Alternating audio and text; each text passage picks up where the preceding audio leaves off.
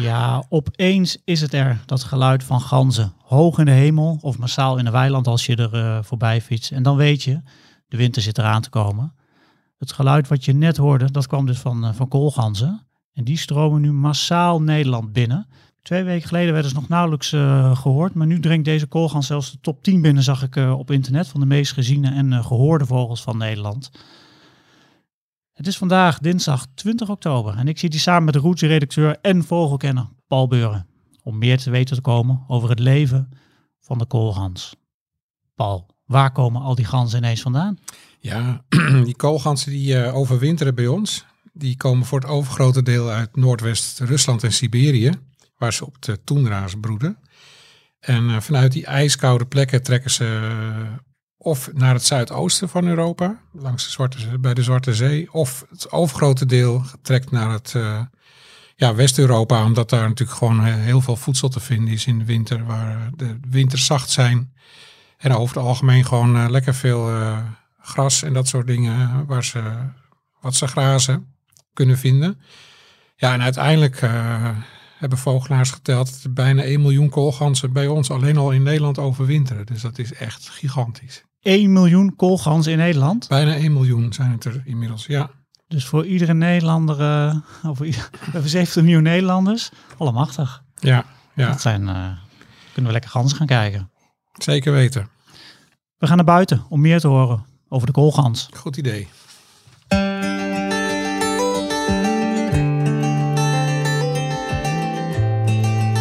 Roots presenteert Notenkrakers. De vogels fluiten buiten, wil je weten wie ze zijn? Kom en luister naar Notenkrakers. Welkom bij de podcast Notenkrakers. Mijn naam is Daniel Mulder en in deze podcast neem ik je mee in de wereld van de zingende, tjilpende, piepende, kwakende en gakkende vogels. Maar voor we verder praten over de koolgans, ga ik eerst even bellen met Timo Roeken van waarneming.nl om in Vogelvlucht te horen wat er allemaal is gebeurd in Vogelland Nederland. In Vogelvlucht. Timo, goeiedag. Goeiedag heren. Zoals gewoonlijk, iedere maand bellen we met jou om te horen wat er allemaal gebeurd is in, uh, in Nederland op vogelgebied. Jij vaste werkt, prik. Uh, vaste prik. Jij werkt bij waarneming.nl, een waarnemingssite uh, als projectleider. En uh, je houdt de vinger aan de pols voor alle vogelaars in Nederland voor ons. Jij gaat altijd een mooie soort, daar trap je mee af. Wat heb je in aanbieding deze keer? Nou, een hele mooie. de blauwstaart. En dat is een vogel, ja, die spreekt tenminste bij mij echt tot de verbeelding. Het is een, een, een klein vogeltje, ik denk ongeveer de grootte van de roodborst. Um, die komt voor van, ja, vroeger was het altijd Oost-Finland tot en met Japan en dan de zuidgrens ligt een beetje bij Afghanistan, maar het gaat volgens mij redelijk goed met die soort en ook het aantal broedgevallen in Scandinavië en andere Scandinavische, landen die gaat omhoog. Um, maar zo nu en dan, en vooral het najaar, duikt het vogeltje ook op in Nederland en dit najaar eigenlijk ontzettend veel. En zoals de naam al doet vermoeden, is het een, uh, is het een vogeltje met een volledige blauwe staat. Het ziet echt, echt geweldig uit. En, en als je het over blauw hebt, wat voor kleur blauw praten we dan over? Een ijsvogel of welke uh, kleur? Nou, ijsvogel is wel extreem, uh, extreem blauwig. Deze is ja, ook gewoon blauw, iets donkerder blauw. Ja. Tenminste Oh. in het kleed waarin we ze hier krijgen. Want als je het zomerkleed van de blauwstaat ziet, dan zijn ze inderdaad uh, een stuk blauwer. Ja, en je zegt van hij, hij is gezien. Waar is hij gezien in Nederland? Uh, nou, je zou haast zeggen waar niet, maar dat is, dat is helaas niet het geval. Uh, het is eigenlijk alleen maar aan de kust. Dat zie je vaak bij de Blauwstaat. maar hij is eigenlijk op elk eiland dit jaar al gezien, behalve Ameland. meerdere vogels volgens mij op bepaalde eilanden. en ook in Noord- en Zuid-Holland zijn de waarnemingen voor Blauwstaat. Het is echt spectaculair dit jaar. Ja, Oké, toch weer die Waddeneilanden waar het allemaal lijkt te gebeuren iedere keer weer. Paul, jij was op een Waddeneiland, nog niet zo lang geleden. Ja, Blauwstaart? nou, ik was een weekend op Texel met uh, roetslezers. was echt uh, superleuk.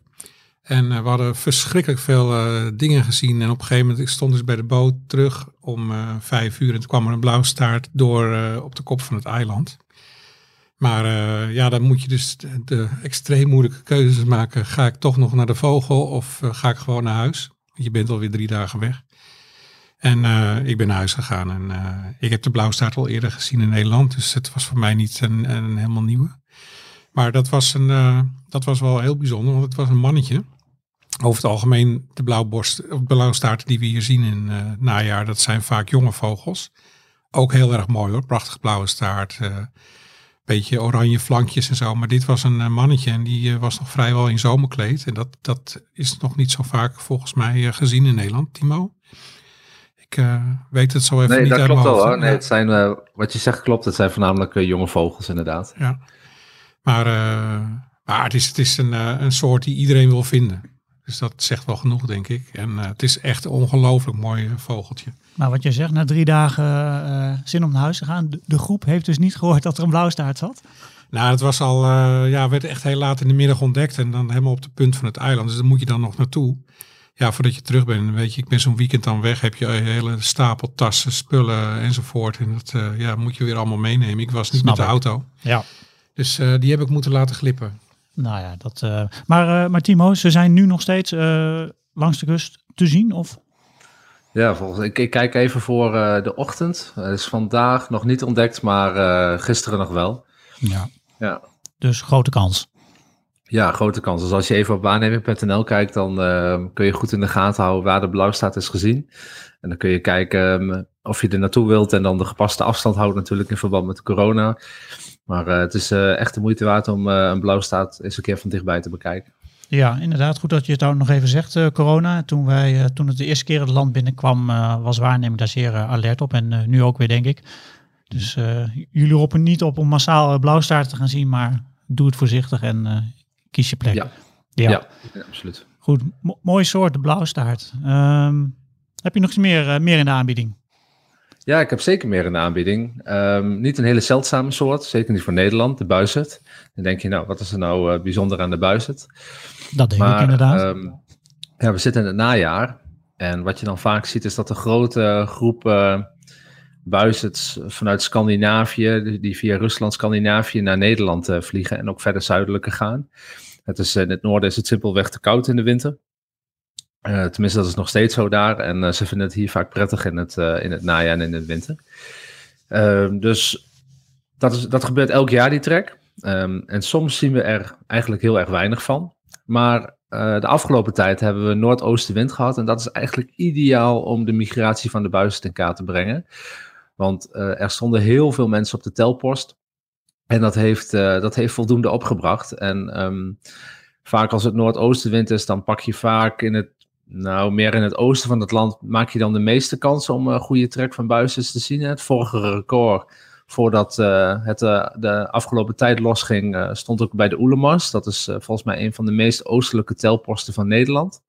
En die, die zag toen op 16 oktober 2010 ehm 1075 buizerds op één ochtend of Ja. op één dag. Nou, dat is niet mis.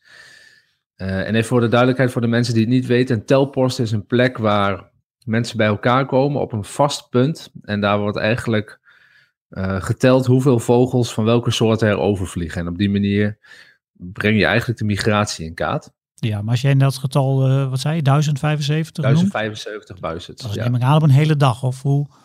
ja, dat is één dag. Ja. En Ja, dat, dat ja. zijn eh, voor Nederlandse begrippen, is dat, Ja, Veel. dat is echt al veel. Ja. ja, Ja, zeker als je dan op één punt staat. Hè, want als je dan rekening houdt met hoeveel buizers er dan landelijk over moeten komen op, om op één punt meer dan duizend buizers te zien, dan is dat, eh, dan is dat heel goed. En zoals ik net al zei, is het, eh, zie je dat voornamelijk in het oosten van het land. Omdat het, ja, dat ligt toch dichter bij de Duitse grens en daar, die route pakken ze een beetje. Maar nu stond er genoeg noordoostenwind om, zodat men ook in het westen van het land, en zelfs op de eilanden kreeg men echt een hele grote, eh, ja, best wel goede trek van buizen. En het, eh, het dagrecord is ook eh, twee keer verbroken. Eerst door de Brabbelbies. Dat is tussen Uden en Os. Daar hadden ze 1776 eh buizers op één dag. Op 15 oktober was dat. En toen is de, de Oelemas heeft toch zijn record weer aan het eind van de dag teruggepakt. Met 1709 of 93 buizers op diezelfde dag. Ja, echt spectaculair. Ik denk dat, ik denk dat Pols ook wel over heeft zien komen. Nou, het was, eh, bij ons was, eh, was heel apart. moet ik je zeggen. Want eh, de, ik zit op een appgroep van Alkmaar en omgeving, van de vogelwerkgroep daar. En op vrijdagmiddag kregen we opeens rond een uur of vijf een melding van dat een, een jongen in Middenkennemerland, dus zeg maar net onder ons gebied, die had eh, 453 buizers naar Noord. In een nog niet eens een uur tijd. En nou, dat is bij ons echt, echt bizar veel. En toen kwamen er opeens allemaal meldingen uit, eh, uit Bergen en Alkmaar Noord, dat mensen daar ook eh, groepjes van eh 10, 20, 30, 50 buizers. Maar het aparte was dat ze niet naar Zuid vlogen, maar naar het noorden. En dat, ja, dat is echt, eh, ik snap nog steeds niet helemaal hoe dat kan. Want ik had dus een paar vrienden op Texel en op Vlieland zitten. Dus ik had ze op een gegeven moment ook geappt van, nou, er komen dus honderden buizen naar het noorden vliegen. Dus als die doorvliegen, dan komen ze uiteindelijk ook op Texel. Nou, en eh, op een gegeven moment kreeg ik dus een melding van iemand uit Alkmaar, eh, die was op Texel, op zaterdag. Dat daar op een gegeven moment eh, honderden buizerds in een thermiekbel aan het zweven waren. Die op een gegeven moment doorvlogen naar Vlieland. En daar hadden ze dus duizend in een in anderhalf uur tijd of zo. Nou, die lui die daar stonden, die wisten niet wat ze zagen. Want dat zie je normaal in, in Zuid-Zweden, waar, eh, waar op goede dagen. Dan hebben ze daar gewoon eh, meer dan duizend eh, vogels in één eh, thermiekbel, zeg maar, bij wijze van spreken. En nu hadden die jongens dat dus op Vlieland. En Dat is een spectaculair gezicht. ja, het moet echt waanzinnig geweest zijn. Ja, Bestaan er foto's van? Jazeker. Of, eh, ja, ja? Oké, want gisteren vertelde je al iets hierover toen we voor Roots aan het, de, de week aan het doornemen waar, waar gaan we allemaal over schrijven. Toen zei jij hier al ietsjes over. Ga je nou nog een verhaal over maken? Kunnen mensen dit nog teruglezen op Ik onze ga site? wel of- van de week even online eh, daar iets over schrijven. Ja, ook omdat eh, ik probeerde wel achter te komen waar, waarom ze dan naar Noord eh, vlogen. Ja, Dat is wel heel, heel apart. oké. Timo, ook toevallig een idee waarom ze noordwaarts gaan? Of is dat een, een, een raadsel? Nou, dat is voor mij op dit moment koffiedik kijken. Er zijn vast, eh, ja, er zijn vast variabelen waarom dat zo is geweest, maar die ken ik niet. Nou, dat is ook wel weer mooi, toch? Dat, dat die vogels ook nog eh, wat mysterieus gedrag vertonen. En niet Absoluut. alles eh, valt terug te brengen in databases van, eh, van waarneming. Ja, wat, ook Absoluut, zo, wat, ook zo, wat ook apart was, is dat eh, vanuit zeg maar Middenkermeland over Alkmaar was eigenlijk maar een hele smalle strook. Dus het was één lange baan van eh, afzwevende buizerd, zeg maar, en weer flappen en weer omhoog en dan weer verder. Eh, want bijvoorbeeld boven Alkmaar Noord zijn ze dan wel gezien, maar bij waar ik woon in Schoorl maar een paar kleine groepjes. En bijvoorbeeld in eh Callans Oog in Noordelijker eh, helemaal niet.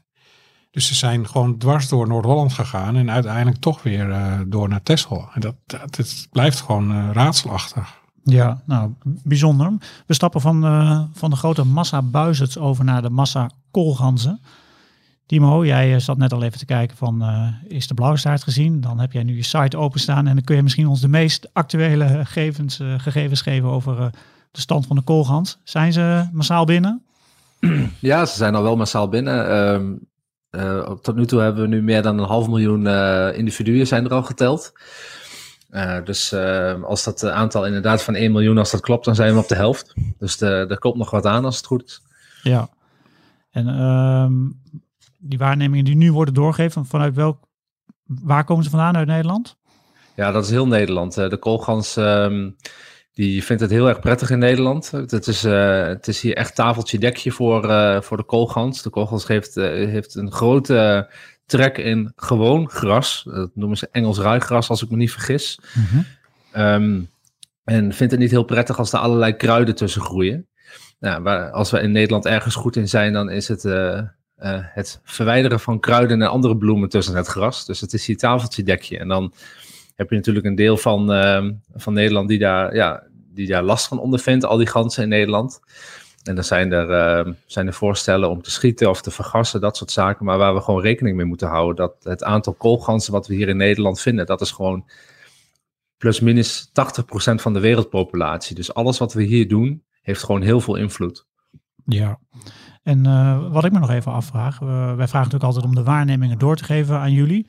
Ehm, je zegt er zijn er een half miljoen binnen, er komen nog een half miljoen aan. Ehm, als ik in een weiland zie zitten, zie ik er eh, meestal meer dan één. Hoe, hoe geef ik dat eigenlijk door aan jullie? Als er zo'n hele groep staat, moet ik, kan ik dan zeggen, moet ik dan gaan gokken of eh, hoe, hoe willen jullie dat? Nou, wat je vaak kunt doen, zeker als ze overvliegen en het is een niet al te grote groep, dan kun je tot een exact aantal komen. Dus wat je dan aangeeft, bijvoorbeeld ik heb er 24 over zien vliegen en dan kan je bij uh, methode kun je aangeven hoe je eigenlijk hebt geteld. Dus je kunt dan aangeven het is een exacte telling. Maar je hebt ook wel eens dat je langs een, eh, langs, dat je in een weiland bijvoorbeeld staat te, turen en dat je er eh, ja, een paar honderd ziet. En dan heb je eigenlijk geen idee.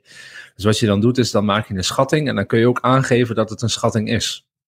En dan kunnen we daar ehm, in de tellingen en eh, als, als de, de data later geanalyseerd wordt, dan kan daar rekening mee worden gehouden. Ja, en als je zo'n schatting maakt, heb je daar nog even een handig trucje voor? Ja, dat is echt wel een kwestie van ervaring. Eh, vaak maak je hokken. Eh, eh, je begint met een klein hok. En dan, als je zeker weet dat er in dat hok ongeveer 10 zitten, of 40 of 50, dan kun je daarna door met de andere hokken. Ja, oké. Dus voor, voor het tellen van koolganzen heb je een klein beetje ervaring nodig. Maar, maar des- desondanks, je kunt ze gewoon doorgeven en een schatting geven aan jullie. Ja, absoluut. Ja. Timo, dankjewel voor deze, voor deze mooie soorten die je deze keer eh, aan ons hebt eh, voorgeschoteld. En eh, we spreken je volgende maand weer. Goed, tot dan. Fijne Tot dag. dan. Tot dan. Dat was Timo Roeken. Hij werkt als projectleider bij waarneming.nl. Dat is een website waarin je, zoals je net al hoorde, allerlei waarnemingen kunt doorgeven. Waaronder dus de koolganzen die nu dus eh, massaal Nederland binnenvliegen. Een half miljoen zijn er. Dus we hebben er nog een half miljoen te gaan. Dus eh, luister goed en kijk veel omhoog en in de weilanden. Want dan je zeker kans op een koolgans. En dat rijmt ook nog eens.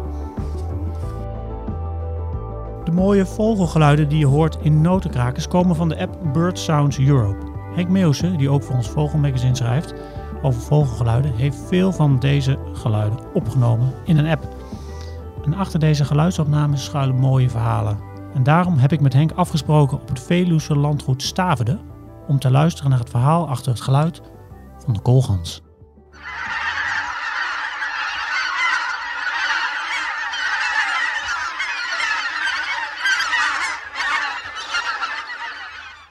Henk, wat horen we hier allemaal? De winter. Dit is de winter. Volgens mij is voor heel veel mensen is dit de winter. En welk geluid is dan de winter? De koolgans. Of een hele grote groep koolgans in dit geval. Echt eh luidgakkend. Die, eh, die komen over eh, en dan trekken ze misschien door. Je hebt eigenlijk twee manieren waarop je ze tegen kunt komen. Of wat hoger in de lucht. Heb ik ooit een keer gezien in april of in eind maart. Toen gingen ze terug. Dan vliegen ze hoog over. Dat is echt de trek van de overwinteringsgebieden naar de, eh, eh, terug naar de broedgebieden. Of andersom. Dan vliegen ze echt hoog over. En je hebt gewoon in Nederland zelf natuurlijk veel slaapplaatsen op het water. Veel uh, fourageergebieden in in, de, in de polder. Dus dan heb je dagelijks, s ochtends en s avonds, trek van slaapplaats naar uh, fourageergebied en, en andersom. En dan hoor je altijd dit geluid. Want het geluid wat we nu dus net hoorden is dus een, het geluid van trekkende ganzen van naar hun slaapplek toe. Ja, dit, dit was uh, bij, bij het Zwin. Heel veel mensen denken bij het Zwin aan, uh, aan België. Maar dit is het Zwin, een niet zo groot natuurgebied in Friesland. En daar was een, uh, een plas bij. En daar, daar stond ik met mijn microfoon. Overigens niet met, denken, mensen denken waarschijnlijk als, als ik over geluidsopnames vertel dat ik met die parabool sta. Maar die parabool die is niet zo goed voor het opnemen van laagfrequente geluiden. En in die ganzen, dat gegak, daar zitten wat hogere tonen in. Maar er zitten ook lage frequente geluiden in. En die neem je veel mooier op met een, uh, met een ander soort microfoon. En ik stond daar. En regelmatig kwamen die groepen over. Uh, niet alleen de slaapplaats en fourageer, soms ook even onrust. Vliegen ze op of gaan ze even verderop weer zitten. En, uh, en dat gaat nooit geruisloos. Dat gaat altijd met een hoop, uh, nou ja, zou ik zeggen, krakeel. Maar dat geluid wat ik dan uh, zwinters ook al hoor als ik in bed lig, uh, overtrekkende ganzen, is dat hetzelfde geluid dan van slaapplaats naar, naar fourageergebied of is dat anders als ze in een soort V-formatie overvliegen? Dat is hetzelfde geluid. Dat is een geluid om met elkaar in contact te blijven. Maar mij, volgens mij is dat hetzelfde geluid. En als je ze in de winter s'nachts hoort, dan is de kans groot dat het echt uh, seizoenstrek noemen ze dat dan. Want de slaapplaats, ja, de trek van, uh, van de naar en van de naar de slaapplaats, dat is natuurlijk rond zonsopkomst en zonsondergang. Maar als het echt in de nacht uh, plaatsvindt, hier komt ook iets over. Oh, het zijn er twee. Die winnen het van de koolganzen. Alhoewel, als je vlak bij een groepje koolganzen staat. Ik heb een keer voor de Nieuwe Wildnis, dat ging dan over brandganzen, maar dat maakt niet uit. Als je er vlakbij staat en die bezig aan de lucht in, nou, dan overstemmen ze een straaljager hoor. Dat is echt een hele hoop geluid. Nou, dit had ik ook wel als een straaljager herkend. Maar, maar, wat, ik, wat ik moeilijk vind is ganzengeluiden. Hoe weet jij dat het geluid dat we net hoorden, dat dat koolganzen zijn? Ja, dat is natuurlijk een beetje flauw misschien. Dat is eigenlijk gewoon de ervaring. Je weet het meteen. Maar ik denk, ik denk dat jij het ook eh, leert als je verschillende keren de verschillende ganzen achter elkaar hoort. Maar vaak is het zo dat je op een plek staat en dan, dan zit je in een koolganzengebied en hoor je vooral koolganzen. Die koolganzen hebben een hele mooie overslaande stem. Er is een hoge toon in. Het gevoel een beetje dat het overslaat. Brandganzen zijn eigenlijk gewoon keffers. Dat is gewoon, dat is gewoon een soort geblaf. Eh, Dat is, dat is niet zo moeilijk. Grauwe ganzen, ja, dat is tegenwoordig steeds makkelijker om die te leren, want dan stikt het van eh, overal. Oh, dat klinkt een beetje normatief, maar in ieder geval, er zijn heel veel grauwe ganzen. En die klinken meer als een boerderijgans. Dat is echt gegak. Dat is nog veel eh, lager ook. Maar typisch van die koolgans is een beetje die, die hoge toon die erin zit en een beetje die overslaande, oversla- ik noem het altijd een overslaande stem. Nou, dat is wel een mooie vergelijking. Maar heb je ook enig idee waarom ze zoveel overslaande stemmen produceren? Waarom er in zo'n groep zoveel zijn die geluid maken? Ja. Nou, die vraag speel ik graag door aan Paul. nou, nou, ja, kijk, ehm, ze hebben natuurlijk continu contact met elkaar. Maar je zou kunnen zeggen, moet, daarom, moet daarvoor iedere gans zich iedere vijf seconden laten horen. Ik, ik weet niet hoeveel er in zo'n groep dan echt actief zijn. Een aantal die misschien de, de boel bij elkaar houden. Of, of laat iedereen zich af en toe horen van, eh, ik ben er nog. Of eh, waar gaan we naartoe? Of moeten we hier niet naar beneden? Ehm, ja, je zou denken, denken het is verspilde energie. Ik, ik weet het niet zo precies. En wat is eigenlijk de kracht van dit geluid? Is het de- de massa of ook de individuele koolgans die, eh, die dit geluid produceert? Ja, de massa. Een individuele gans klinkt niet per se mooi. Maar de, de massa, die, die, ja, dat maakt, het, dat maakt het geluid mooi. Ja, want wat we dus net hoorden, dat was een enorme groep. Heb je enig idee om, hebben we het dan over 100 ganzen, 1000, 10.000? Nou, 10.000 niet. Ik, ik, ja, ik heb vaak niet eens, ik denk dat dit om een aantal honderden gaat. Maar dat durf ik niet eens zo te zeggen. Kijk, in de app heb ik gewoon een paar klassen, heb ik gezegd, het is een middelgrote groep. En ehm, kijk, als het er echt heel veel zijn, dan ga je de individuele gans niet meer horen. Dan hoor je eigenlijk een gro- één groot gegons, want dan gaat alles door elkaar heen. Maar dit, hier hoor je de individuele gans nog, dus dan heb je, niet, eh, dan heb je geen groep van duizenden. Nou, dan gaan we nog even naar het mooie eh, wintergeluid eh, van Henk luisteren.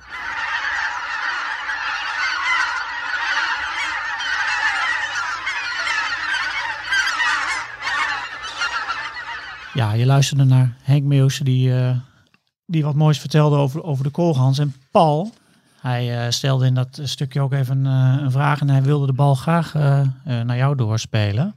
De vraag is, waarom maken koolganzen zo'n geluid als ze vliegen? Want ja, je zou zeggen dat is enorm vermoeiend en dat kan ik goed begrijpen. Want ik, ik ben een hardloper, ik loop wel eens hard, vaak alleen, maar soms met, met z'n tweeën. En als ik dan moet praten, dan heb ik er best wel moeite mee. Ja, klopt. Terwijl ik best wel een redelijke conditie heb. Dus, dus het lijkt mij ook als een gans in de lucht vliegt en loopt te gakken met zijn soortgenoten. Dat is natuurlijk enorm vermoeiend. Maar waarom doen ze dat dan? Ja, het valt mij in de duinen vaak op als je die mountainbike groepjes voorbij hoort komen. dat Die lui altijd de hele tijd met elkaar schreeuwen. En eh, dan denk ik ook wel eens van, eh, je hebt je adem toch wel nodig voor, eh, ook voor het fietsen.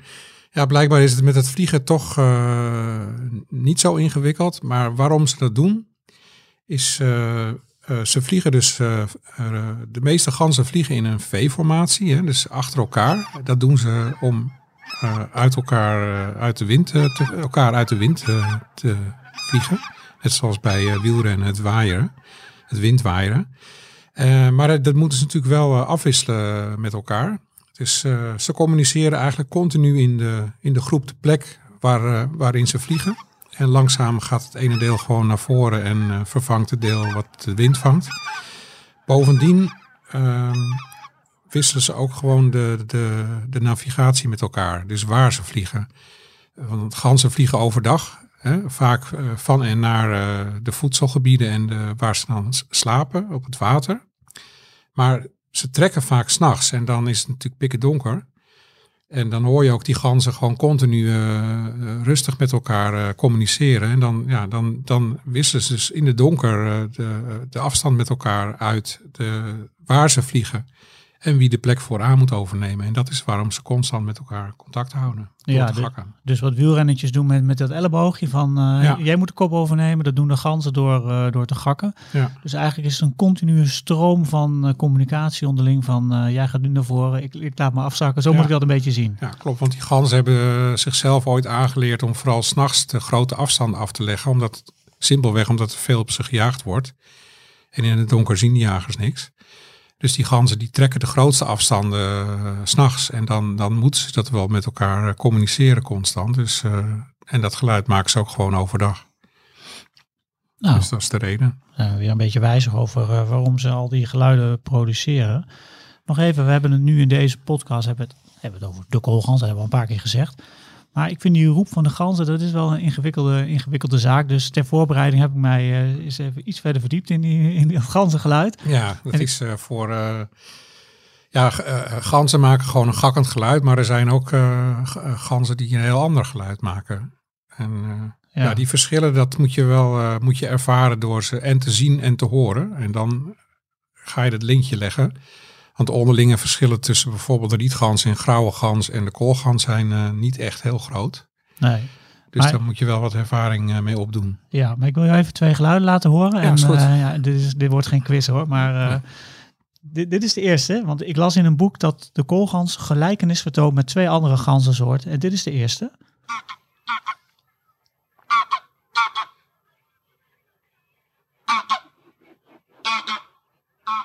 Ah, mooi, je hoorde hem ook nog even overvliegen. Ja, dat is ook grappig. het is trouwens een kenmerk van de grauwe gans. Dat je zijn vleugelslag echt hoort. Ja, je hebt één punt nu verdiend. Ja, en, eh, en bovendien eh, maakt een, een grauwe gans echt het, het boerenganzen gakkende geluid.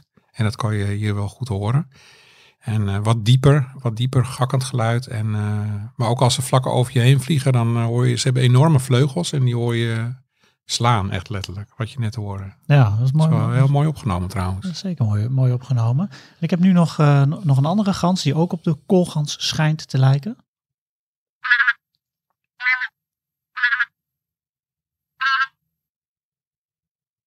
Ja, als je hier goed naar luistert, dan eh, kan je misschien een beetje indenken dat het een beetje meer trompetterend dan gakkend geluid is. Dit is dan van de rietgans. En de rietgans eh, heeft ook nog eens een keer een hele donkere nek. In tegenstelling tot de andere ganzen. Dus daar kan je hem ook makkelijker van eh, de andere soorten onderscheiden. Dus als je hem dan ziet vliegen, dan eh, let daar ook vooral op. En ja, hij maakt dus meer, meer trompetterend ang, ang, hak geluid. Dat zit er een beetje zo tussenin. Dan heb je nog de kleine rietgans. Dat is een, een prachtige soort die, die op onder andere Spitsbergen broedt. En die, die heeft hele mooie lichtgrijze vleugels. En die, eh, die roept weer net wat hoger. Dus dat eh, is voor de, de zware kenners, zeg maar, is dat nog weer een opstapje om die dan eh, op geluid eruit te halen. Oh, Oké, maar ik denk dat we voor deze podcast maar even moeten, Ja, ja. moeten houden bij de gouden gans en de, de, de Toendra rietgans die we net, eh, die we net hoorden. Ja, het grappige is wel dat ik toevallig net de afgelopen weken zowel als op Vlieland een kleine rietgans heb gezien als bij, bij mij in Schoor in de polders. Waar ze eigenlijk normaal eh, best wel zeldzaam zijn. Dus eh, op de een of andere manier doen die het blijkbaar eh, relatief goed. Ja. Nou, het geluid hebben we nu een beetje, beetje doorgenomen. Dus nou ja, als je die die geluiden een paar keer afluistert, dan kun je misschien de verschillen wel een beetje gaan horen. Ehm, even over het uiterlijk van de koolgans. Als ik in een weiland eh, ze zie zitten, hoe weet ik zeker dat ik een koolgans zie? Nou, een koolgans heeft zijn naam gekregen door de, de witte kool. Eh, op zijn, eh, bovenop zijn snavel heeft hij een hele grote witte vlek. Die valt echt bij de koolgans ontzettend op. En bovendien hebben ze een soort streepjescode op hun borst. De oude vogels. Die hebben zwarte dwarsstrepen. Is eigenlijk geen één hetzelfde. De een heeft er heel veel, de andere wat minder, maar ze hebben ze allemaal. Bovendien hebben ze oranje poten en een roze snavel. Wat, eh, wat ook heel erg opvallend is. En eh, ze leven nog in, eh, in het najaar in groepjesverband van de families. En dan zie je vaak de jonge vogels dan rondom lopen. Die zijn wel moeilijk te herkennen, want die hebben niet die witte kool. En die hebben ook niet die, die streepjescode. Maar je ziet ze vaak bij elkaar lopen. Dus dan zie je vanzelf dat dat de jongen zijn. Oké, nou dat, dat is een helder verhaal. En eh, wat ik aan het begin van deze podcast al even zei, eh, de ganzen komen eraan en ze komen eh, uit het hoge noorden gevlogen. Ehm, kun je eens wat meer over, over hun broedgebied vertellen? Waar komen ze precies vandaan? En als ze hier in Nederland komen, waar gaan ze naartoe? Ja, ze zijn. ze komen best wel van ver als je op de kaart kijkt. Het is, ze broeden gewoon in los kolonieverband op de Russische toendra's. En die zijn natuurlijk gigantisch uitgestrekt. En daar komt gewoon helemaal niemand. Dus, eh, en dat broedgebied het zit vooral ten westen van de Oeral. en op het eh, eiland Kolkujev in de Barentszee. En vanaf begin juni, dan, eh, als de Arctische lente begint, dan eh, leggen ze één nest met vijf tot zes eieren. En eh, ze broeden het uit. En eh, daarna dan, eh, als de jongen groter geworden zijn in het najaar, dan, eh, en de vorst eh, gaat daar toenemen. En het, eh, dan, dan gaan ze gewoon op trek. En eh, nou, dat begint zo, eh, meestal zo eerste helft van oktober. En dan komen ze massaal in Nederland aan. Na een eh, flink, eh, flinke vliegt, vlucht. eh, ja, en wat ze hier eh, doen, eh, net wat dat zei Timo al, ze, ze zijn vooral heel erg gek op dat eh, Engels rijgras. En eh, ja, er zijn eh, heel veel weilanden in Nederland overal verspreid waar, waar ze dat kunnen vinden. Ehm, denk aan Friesland, Groningen, eh, Kop Noord-Holland, eh, de veenweidegebieden in Utrecht eh, tot de grote rivieren. En nou ja, eigenlijk, eigenlijk op, op een ongelooflijk groot oppervlak van Nederland wel te zien. Behalve eh, bij wijze van spreken op de, op de Wadden en, en, ja. En in het bos van de Veluwe bij wijze van spreken. Ja, dus eh, grote delen van Nederland kun je ze zien. Maar heb je nog een, een kijktip waar je, als, als je dan die ganzen wil gaan zien en je wil ook dat mooie geluid horen, hè? Ja. W- Wanneer hoor ik dat? Is dat gewoon de hele dag door? Of Ja, in feite eh, maken ze het minst geluid als ze gewoon aan het fourageren zijn. Maar- fourageren is eten, hè? voedsel zoeken. Ja. Ja, ja. En, maar wat, wat het meest spectaculair eigenlijk is, is s ochtends bij het eerste licht of s avonds bij het laatste licht, dan trekken ze massaal naar eh, plassen in de buurt, wateroppervlakte. Dat doen ze gewoon om daar veilig eh, te zitten voor de vos en andere predators, eh, roofdieren. Dus wat een hele bekende plek is, wat ik weet bijvoorbeeld, is bij de omgeving van Makkum, waar ze dan massaal aanwezig zijn. En dan vliegen ze s'avonds naar de Eusimakeeg. Dat is aan de, zeg maar, de westkant van het Lauwersmeer. Ja, dan is die lucht op een gegeven moment helemaal zwart van de, van de ganzen. En dat is echt heel spectaculair. Maar dat, dat zal je op meer plekken hebben. In de buurt van Nieuwkoop bijvoorbeeld, of eh Botshol, of eh, in Utrecht, weet je. Waar randmeren, waar water is. Eh, let eens op die vluchten en waar ze heen vliegen. En ga daar s'avonds of s ochtends eens zitten. En dat is echt, echt waanzinnig mooi om te zien en Ja. te horen. En is dat vooral bij zonsopkomst en zonsondergang? Of wanneer moet ik daar, aan- wanneer moet ik daar gaan zitten? Ja, klopt. Eh, wanneer de zon ondergaat of wanneer de zon opkomt, dan gaan ze weer terug. Eh, dan gaan ze weer terug naar de gras, eh, naar, de, naar de velden. En s'avonds vliegen ze juist weer naar, die, naar, die, naar het water. Dus als je daar dan gaat zitten, dan ja, dat is echt een onvergetelijke ervaring. En waarom vliegen ze eigenlijk heen en weer? Van, van het eten naar het slapen? Of? Nou, ze Misschien slapen, heb je dat net al verteld, maar heb ik het niet... Uh, ja, ze, ze, zoeken het water op omdat het gewoon veilig is voor ze. Omdat daar gewoon geen vorst bij kan komen. En, uh, en dat ze gewoon met, bij elkaar uh, zeg maar op het water verblijven. Ze kunnen okay. dan ook even badderen. En, dus dat doen ze gewoon. Ja, ja. Dus, dus puur uit veiligheid dat ze ja, uh, s'avonds of s ochtends. Ja, oké. Okay. Um, je vertelde net al, uh, 1 miljoen ganzen ongeveer komen er in Nederland overwinteren. 1 miljoen, dat klinkt dus als een successoort. Timo zei het net ook al even, ze worden daarom ook wel bejaagd en uh, vergast. Um, hoe komt het eigenlijk dat er zo'n succes is geworden? Door dat gas? Ja, het is gewoon de, de zachtere winters. Ze hoeven eigenlijk weinig meer verder te trekken. Ze lopen geen gevaar. In principe zijn ze voor een groot deel beschermd. En ja, dus neemt hun aantal gewoon toe. Ze leggen vijf tot zes eieren. Dus als het gewoon goed gaat en, het, en het, dat blijkt dat het daar met de koolgans gewoon goed gaat. Dus ook in de broedgebieden. Ja, dan, dan komen er hier gewoon eh, steeds meer. En wat ook opvallend is, is dat ze ook hier broeden. Sinds uh, tientallen jaren eigenlijk alweer. En ook steeds meer. Het zijn er nu, wat ik even terug heb gelezen, zelfs 700. En met name in Friesland en langs de grote rivieren in de Biesbos en langs de randmeren van uh, de Flevopolders broeden ze. En dat zijn dan nazaten van ontsnapte lokganzen die ooit werden gebruikt voor het jagen. Maar ook wel uh, aangeschoten dieren die uh, bijvoorbeeld een vleugellam hadden en die er niet meer weg konden.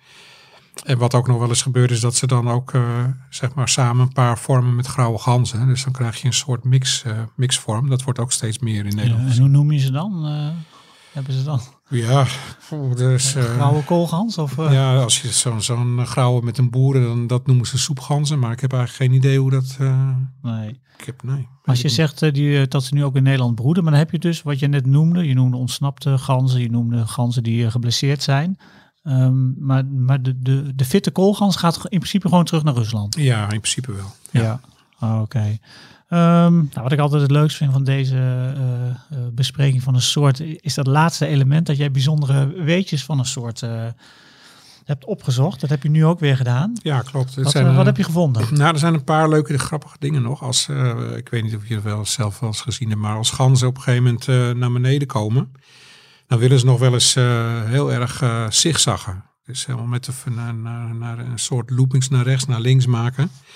Misschien dat mensen zich afvragen eh, waarom ze dat doen. Dat is dus gewoon puur om eh, de snelheid af te remmen. Vond ik wel grappig.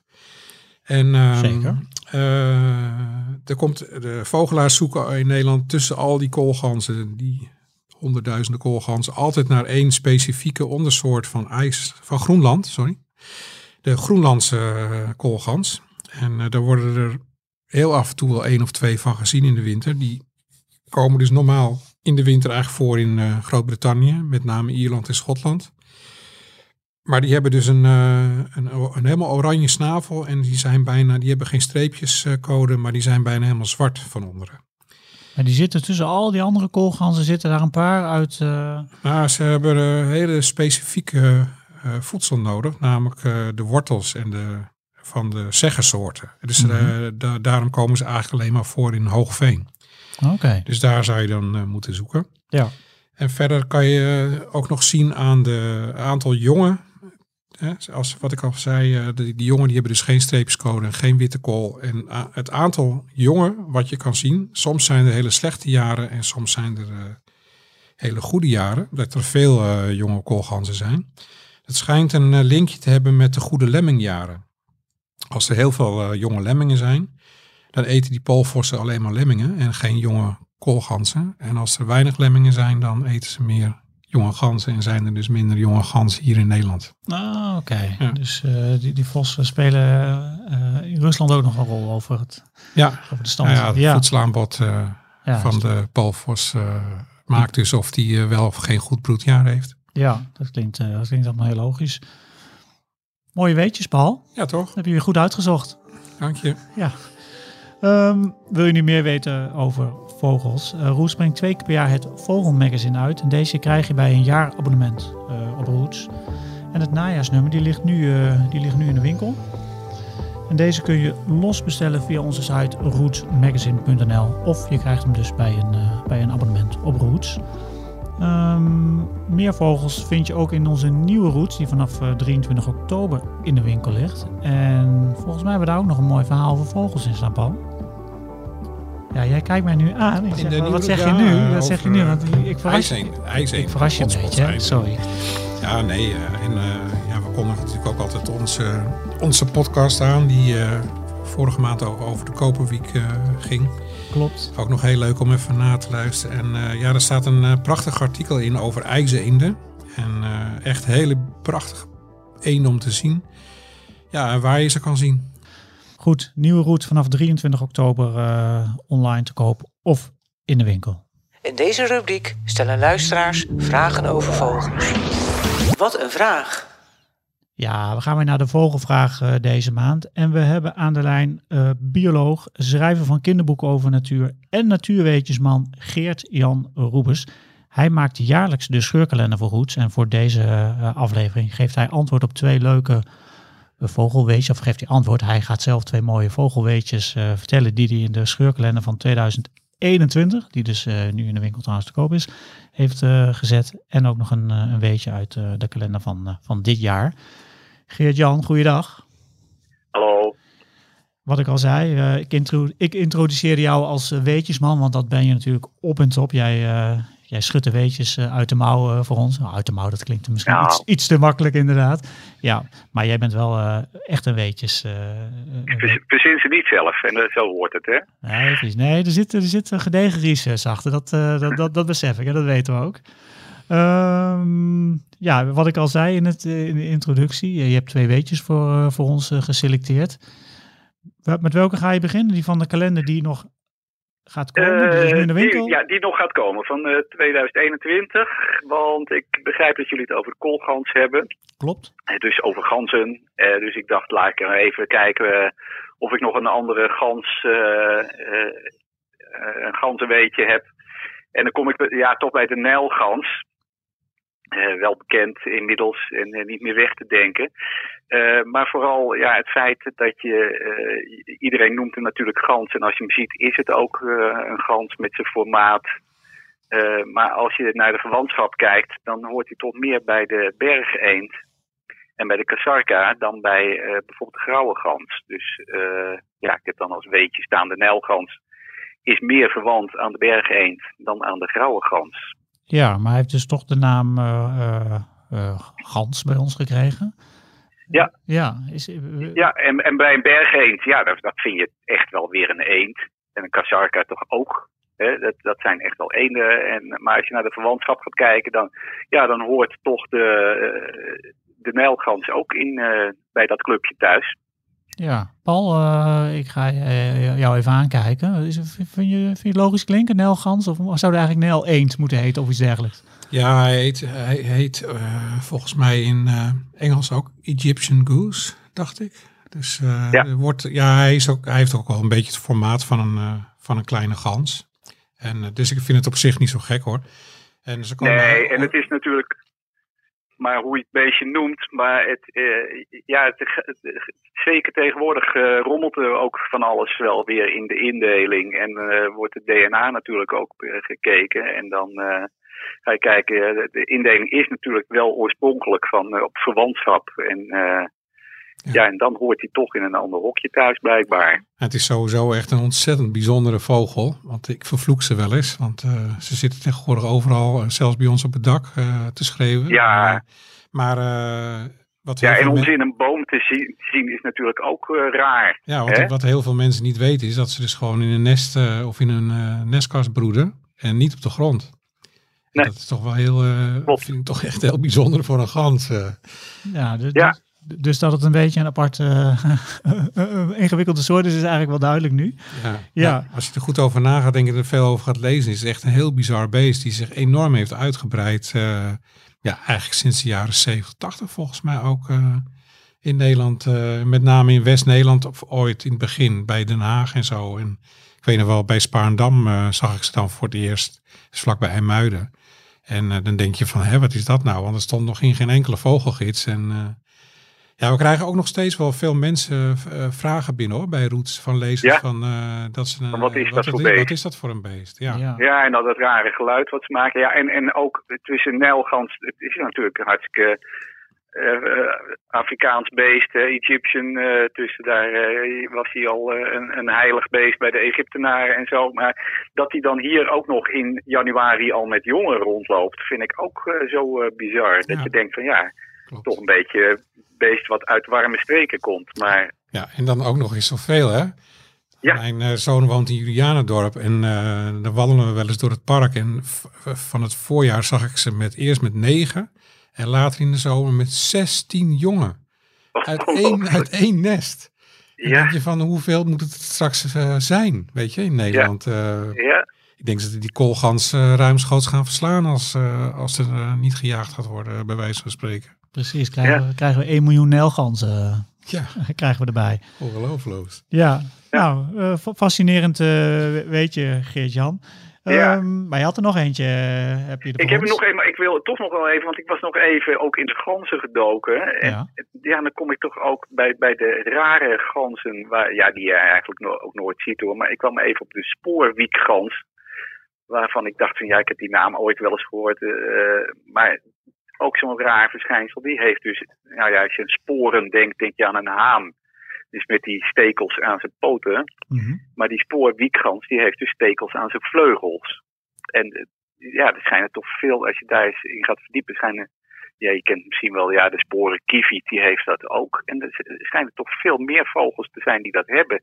En ik vind dat ook wel een bizar, eh, bizar lichaamsdeel eigenlijk, als je het ziet helemaal. hè Zo'n steekwapen aan, zijn, eh, aan, zijn, aan de knik, beetje zijn duim Ja, van maar, zijn, van zijn vleugels. ja, maar sporenwiekgans? Ja, Ik heb er nog nooit van gehoord, eerlijk gezegd. een Afrikaanse soort is dat. Oké, Nou, leuk. we, we leren Ja. bij, we leren bij. Zeker. Ja, de Ja. spoorwiekgans. We gaan hem straks eens Ja. even uitgebreid googlen. ga googlen en dan zie je er ook nog eens dat, dat hij giftig is om te eten. Dus eh, mocht je eh, nog een recept zoeken, neem geen spoorwiekgrans, zou ik zeggen. Goed. Maar ik heb hier staan nog als weetje van eh, dit jaar. eh, er zijn ook wel weer een beetje over systematiek. Er zijn 23 soorten alken. Alken? En Alken? alken, ja, de alk. Ja, En ja, heel veel mensen kennen de alk niet, denk ik. Ja, of misschien van naam. Je ziet hem ook natuurlijk niet zo vaak. Maar ik heb wel iets met de alk. En is eigenlijk toch mijn, ja, misschien kan ik wel zeggen dat mijn liefde, eh, interesse voor de natuur daarmee begonnen is.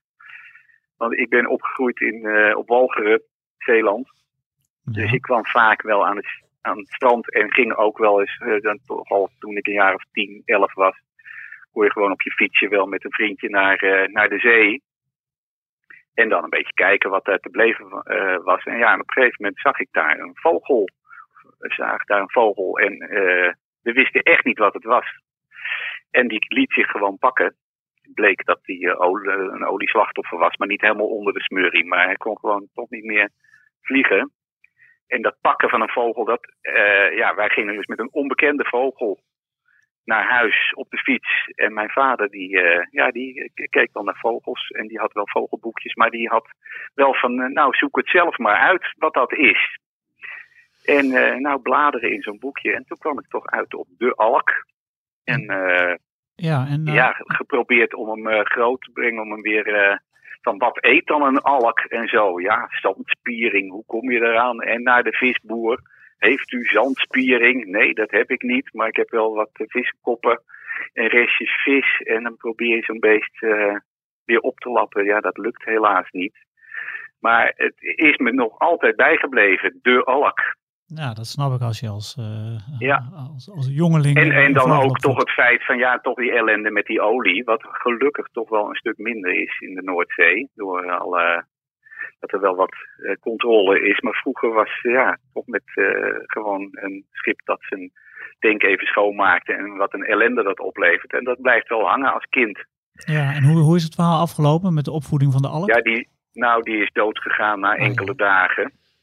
Eh, dus die, maar die heeft zijn educatieve functie heeft die, eh, volbracht, zeg maar, door mij op het eh, spoor te zetten van, van, de, van de biologie ja, en de beestjes. ja Ge- Geert-Jan, omschrijf hem eens even, want ik, ik heb nog steeds niet echt wel een beeld.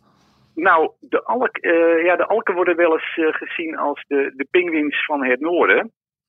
En het, het grappige is zelfs dat je weer een stukje naamgeving. In het Frans heet hij de, le petit pingouin. Dus de kleine pinguïn. Nou, dat, ten eerste is al, eh, dat, dat geeft wel een beetje aan hoe hij eruit ziet. Zwart-wit en hij loopt ook rechtop. En eh, eh, de alk zelf, hij is verwant met de zeekoet. Dus de alken, die 23 soorten die ik noemde, daar zitten ook de zeekoeten bij. Ook zes soorten zeekoeten. En de papegaaiduiker zit ook daarbij. Eh, maar de alk die zit, eh, ja, zeg maar, een, als je de zeekoet kent, dan lijkt hij daar wel veel op. Maar hij heeft niet zo'n eh, spitse snavel, maar een, een hoge snavel. Ja, oké. ja, Paul En, zit en een hoge, smalle snavel, met Ja. een wit streepje erop. Oké, Paul zit ondertussen driftig te bladeren in, in een vogelboek. Hij weet natuurlijk al hoe hij eruit ziet, maar ook voor mij even te, om mij even te helpen. Ja, witte, witte buik, zwart, Ja, ik, zie, zwart-wit van een afstand. ik zie het. Paul, de alk, heb je nog heb je daar iets over? Of? Ja, dat van die pinguïns is inderdaad wel grappig. Want mijn broer woont in Zandvoort.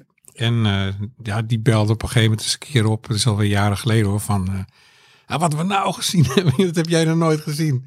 Een pinguïn op het strand.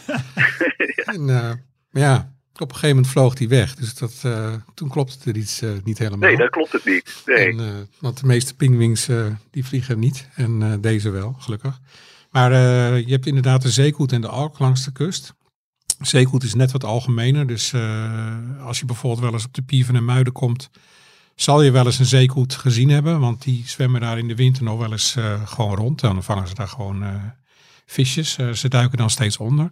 Maar die alk die is, die is echt wel wat, wat minder algemeen. Dus die zie je echt minder. En dat is dan wel altijd wel echt heel speciaal om die... Vogelaars wisselen dat nog wel met elkaar uit. Dat ze een alk gezien hebben en waar die dan te Ja, zien is. ja. Nou, Nou ja, en het- rare verhaal natuurlijk is met, eh, dus als je al die 14, dus er zijn dan 14 soorten die echt alk heten en de meeste zitten in de, de Pacific, de noordelijke eh, grote oceaan. En wij noemen het natuurlijk als Euro, eh, eh, Europeanen is de alk, is gewoon onze alk. Maar eigenlijk eh, aan de andere kant van Amerika is veel meer alk een eh, gebied nog. Maar hij heet dus eh, Le Petit Pingouin, zei ik al. Eh, terwijl het een van de grootste alkensoorten is die we, wij kennen. Eh, maar die naam die stamt nog uit de tijd. Ten eerste dat ze nog helemaal nog nooit een pinguïn hadden gezien. Dus eh, de pinguïn is juist genoemd naar de alk. En niet andersom. En hij is niet genoemd naar de petit penguin, maar de grand penguin. En dat was de reuzenalk. En die is helaas niet meer. Die is in 1844 uitgeroeid, want die kon niet vliegen. Net als de pinguïn. En die was echt helemaal op zwemmen ingesteld. Korte vleugeltjes en eh, enorm beest. En die, ja, die broeden dan eh, in het hoge noorden op eilandjes. Maar niet op hele hoge eilanden, zoals die alken en die eh, zeekoeten. Die zitten echt op die rotswanden. Maar ja, dit beest kon niet vliegen met zijn kleine vleugeltjes. Dus die zat alleen op platte eilandjes waar ook de, de zeemannen eh, makkelijk konden kopen, eh, komen. En eh, ja, voor je het wist hadden ze die in de pan. En vooral ook voor veren om matrassen te vullen was gewoon makkelijk. En een vette vogel. En ja, 1844 was het uit met de Grand Penguin. Mooi weetje, Ge- Geert-Jan. Ehm, deze staat in de, in de kalender van, van dit jaar. Hè? W- Wanneer, Ja. wanneer gaan mensen hem tegenkomen of is hij al geweest? Ja, dat geven we wel wat een spoiler, hè? 27 november. Ehm, Geert-Jan, hartelijk bedankt voor deze twee, eh, voor deze twee mooie weetjes. En eh, al die andere weetjes die, eh, die heb je uitgezocht voor onze, voor onze scheurkalender. Dus dankjewel. Ja, graag gedaan. Ja, dat was Geert-Jan Roebers. Hij is de maker van de scheurkalender van Roots. En ehm, die scheurkalender die ligt, die ligt nu in de winkel. En die kun je bestellen via rootsmagazine.nl. En hij kost 15,99 euro. En dan krijg je 365 natuurweetjes. En eh, nou ja, ze zijn allemaal, allemaal bijzonder. Geert-Jan heeft ze, heeft ze allemaal eh, driftig uitgezocht. Dus eh, leuk om te lezen. Notenkrakers.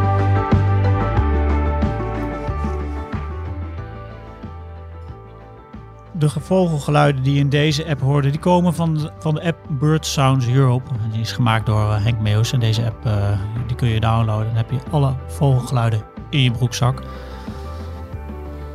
We noemden net al even het Vogelmagazine. Kun je geen genoeg krijgen van vogels, dan is het Vogelmagazine echt iets voor jou. Deze kun je online eh, bestellen op rootsmagazine.nl. En je krijgt hem ook als je een, een abonnement neemt op Roots. En we gaan natuurlijk ook nog weer een nieuwe podcast maken. De Notenkrakers van december. En Paul, waar gaat die over? Ja, over de staartmees.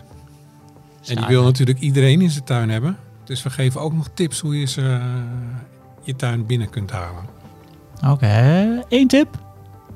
Mm, Nee? Heeft iets met eh, specifiek voer te maken. Maar dan moet je echt de volgende keer Ja, luisteren. het is niet gewoon een kwestie van een vet bolletje. Nee, zeker niet. Ja, Oké, de staartmees die is, eh, die is wat kritischer, eh, begrijp ik. Absoluut.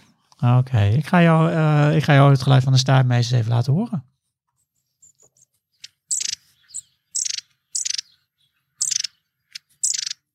Doe hem nog een keer.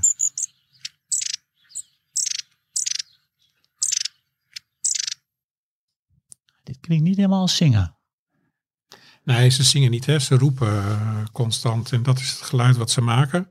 Het zijn ontiegelijk bewegelijke vogeltjes. Het is echt proberen maar eens één in je kijker te krijgen. Binnen een duizendste seconde is die er weer uit. En ze komen zomaar in je tuin en eh, zijn ook zomaar weer weg. En dan kan het zomaar een week duren voordat je er weer eentje ziet of hoort. Het is zo bizar. Ze zwerven, zwerven, zwerven in de wind rond. En eh, ja, heel af en toe dan, als je geluk hebt, heb je ze in de tuin, want ze zijn zo mooi. Ja, en in de, in de nieuwe roots die dus eh, eind eh, deze week, dat is eh, eh, aanstaande vrijdag dus, die in de winkel ligt, daar staat nog een, eh, een verhaal over staartmezen. Ja, die, klopt. Ik En die heb jij eh, geschreven. Ik maak met Erik eh, van Omme, eh, de vogelillustrator voor Nederland, een, eh, sinds een paar maanden een nieuwe serie. Met elke keer een eh, vogel die in zijn tuin voorkomt en die die dan eh, geschilderd heeft. En eh, daar maak ik een eh, verhaaltje bij. Nou, een verhaaltje, dat is wel een serieus eh, mooi verhaal. En ik zie, want deze podcast gaat natuurlijk vooral over vogelgeluiden, zie ik bij geluid staan. continu hoge, korte, scherpe en chirpende geluiden. Ja, wat je net gehoord hebt. Nou, mooi omschreven. Volgende keer gaan we het over de staartmees hebben. Maar eerst gaan we nu nog even luisteren naar het geluid van de koolgans. Leuk trouwens dat je luisterde naar notenkrakers. En hierbij nog even de koolgans.